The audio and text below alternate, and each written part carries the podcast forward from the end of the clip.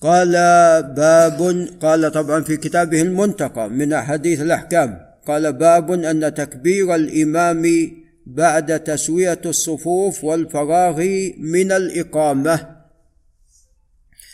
اذا الإمام لا يكبر إلا بعد تسوية الصفوف وطبعا بعد الانتهاء من الإقامة. نعم. فعندما ينتهى من الإقامة وتسوى الصفوف يكبر الإمام. وأما ما يتعلق بالتكبير بعد الإقامة فهذا بحمد الله جاري عليه العمل في جميع المساجد إلا أن يشاء الله. وأما التكبير بعد تسوية الصفوف فهذا يعني قد يقع خلل. في ذلك. لا يفعل هذا كثيرا أو في جميع المساجد. يعني أحيانا الإمام يقول استووا استووا ثم يقول الله أكبر قبل أن تسوى الصفوف. نعم والسنة لا. لابد من تسوية الصفوف اولا. قال عن النعمان بن بشير رضي الله تعالى عنه قال رضي الله عنهما لأن بشير بن سعد والد النعمان أيضا صحابي.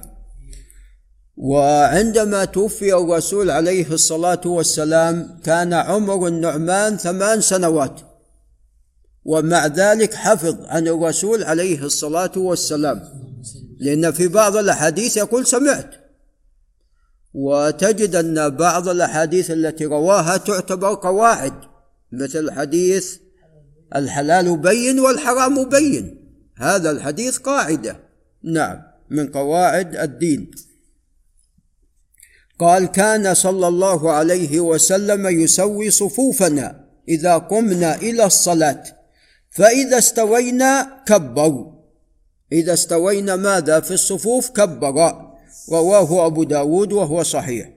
قال وعن أبي موسى الأشعري رضي الله عنه علمنا رسول الله صلى الله عليه وسلم إذا قمتم إلى الصلاة فليؤمكم أحدكم. وإذا قرأ الإمام فأنصت فأنصتوا رواه أحمد.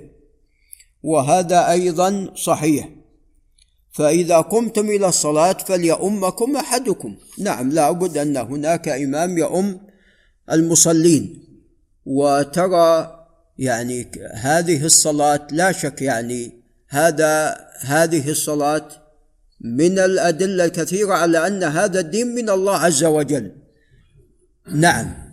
يعني إذا جاء الشخص ورأى حتى لو لم يكن مسلما أو لم أو لا يكون يصلي فوجد الصفوف منتظمة والإمام واحد متقدم وإذا قال الله أكبر قالوا الله أكبر. وإذا ركع ركعوا بعده. وإذا قرأ في حال القيام أنصتوا لقراءته. فتجد عندما يرى ذلك نفسه تدعوه إلى ماذا؟ إلى أن يدخل معهم. إلى أن يدخل معهم. وأنا بالأمس سمعت من إذاعة نداء الإسلام قصة عجيبة. وهي أن شخصا يقول كان عندنا شخص دعيناه دعوناه عفوا للإسلام فيعني متردد. يعني ها أجاب لكنه متردد. ما ما نطق بالشهادتين متردد متردد. قالوا في مرة من المرات صلينا الفجر قام بعد الصلاة وأعلن إسلامه. قلنا ها شو اللي دعاك؟ قال يعني عندما سمعت القرآن. ما يقول ما استطعت. نعم. مع أنه يعني يقول يقول اللي ذاكر القصة يقول ما يعرف اللغة العربية. نعم يعني يعرف بعض الشيء. يقول لكن لما أستطع. وقال صاحب القصة قال ما أدري الإمام نسي. يقول هل قرأ بسورة النجم أو سورة القمر؟ يقول إما النجم كان يقرأ بها أو سورة القمر. فعندما سألوه قالوا أنت كنت متردد متردد. قال عندما سمعت القرآن لم أستطع. نعم. قال باب رفع باب رفع باب رفع اليدين وبيان صفته ومواضعه. نعم.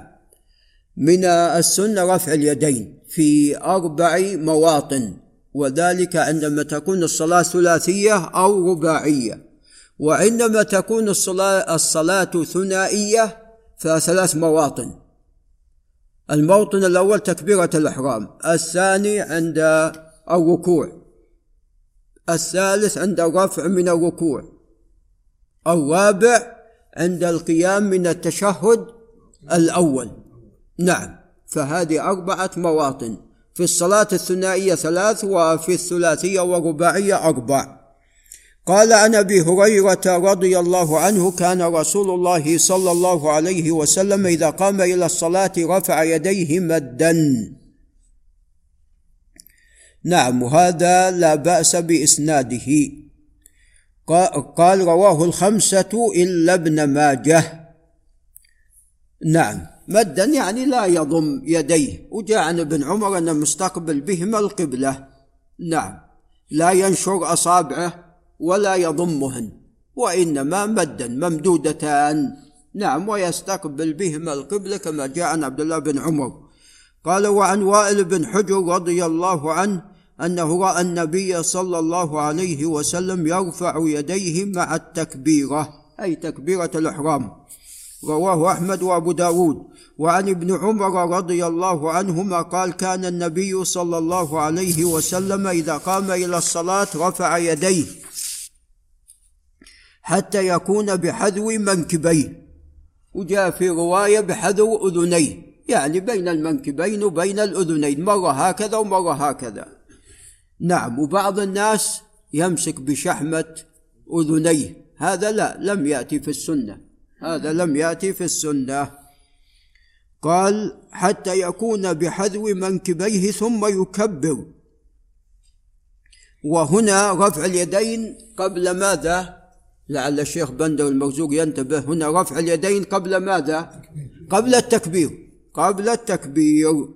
وجاء مع التكبير. وجاء في رواية يكبر ثم يرفع يديه.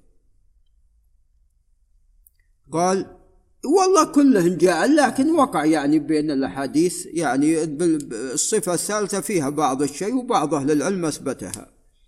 نعم. قال بحذو منكبيه ثم يكبر فإذا أراد أن يركع رفعهما. مثل ذلك. نعم. وطبعا التكبير يكون عند الهوي للركوع. نعم. ليس لا يكبر وهو قائم لا. مع الهوي للركوع. وأيضا حين الرفع يقول سمع الله لمن حمده. إذا اعتدل قال ربنا. لك الحمد أو ولك الحمد كلاهما قد جاء. نعم. قال فإذا أراد أن يركع رفعهما مثل ذلك وإذا رفع رأسه من الركوع رفعهما كذلك أيضا وقال سمع الله لمن حمده ربنا ولك الحمد. إذا استتم قائما قال ربنا ولك الحمد. وجاء في رواية اللهم ربنا ولك الحمد وفي رواية اللهم ربنا لك الحمد كلها في البخاري. متفق عليه وللبخاري ولا يفعل ذلك حين يسجد. يعني ما يرفع يديه عند الهوي للسجود. نعم. ولا حين يرفع رأسه من السجود. نعم. قال ولمسلم ولا يفعله حين يرفع رأسه من السجود وله أيضا ولا يرفعهما بين السجدتين. قال وعن نافع أن ابن عمر رضي الله عنهما كان إذا دخل في الصلاة كبر ورفع يديه. هنا التكبير ورفع اليدين سواء وإذا لعل الأستاذ أبو بكر ينتبه. وإذا ركع رفع يديه. وإذا قال سمع الله لمن حمده رفع يديه. وإذا قام من الركعتين رفع يديه. يعني من التشهد الأول. ورفع ذلك ابن عمر إلى النبي صلى الله عليه وسلم رواه البخاري والنسائي وأبو داود ولعل نقف عند هنا. آمين.